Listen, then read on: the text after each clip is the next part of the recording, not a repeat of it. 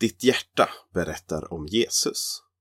En artikel av Mattias Arvidsson.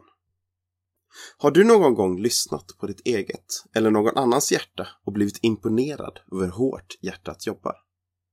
Faktum är att hjärtat alltid kommer att göra allt det kan för att fortsätta slå och hålla igång kroppen. Häng med och se hur vi kan hitta Jesus i vår kropp. När man funderar över människokroppen är det lätt att bli fascinerad över Guds skaparglädje. Njurar som reglerar saltbalansen, lungor som drar in syre samt ett hjärta som sen pumpar ut det i kroppen. Muskler som gör att vi kan springa och röra på oss. Levern som tar hand om restprodukter och gifter.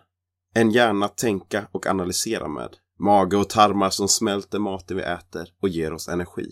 En mun att äta med men också smaklökar och luktreceptorer som gör att vi kan känna smak och lukt så att vi kan njuta av maten vi äter. Davids lovsång. Vi är skapade, inte bara för att överleva, utan också för att njuta av och glädjas över skapelsen. I Saltaren skriver David Du har skapat mina njurar. Du vävde mig i moderlivet. Jag tackar dig för att jag är så underbart skapad. Underbara är dina verk. Min själ vet det så väl. Psalm 139, vers 13 och 14.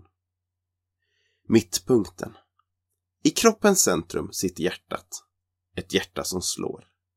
Det drar ihop sig och slappnar av. 60 70 gånger per minut. Och varje slag pumpar runt blod med syre och energi till vår kropp. Hjärtat pumpar hela tiden. Det vilar inte.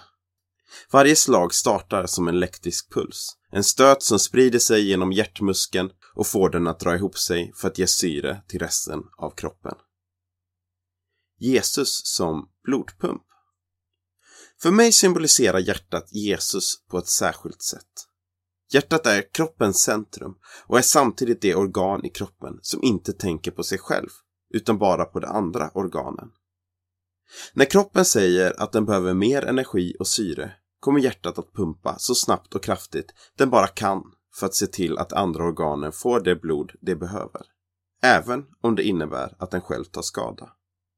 Hjärtat har ingen gräns. När de andra organen behöver mer blod offrar det sig själv. För hjärtat är det viktigaste att resten av kroppen fungerar. Gud har lagt in en bild av sig själv i våra kroppar. Gud är full av pulserande liv som han vill ge till oss. Gud gav sitt liv för oss. Liksom hjärtat kämpar på trots att det mår dåligt för att kroppen ska leva offrade Jesus sig själv för att vi skulle få liv.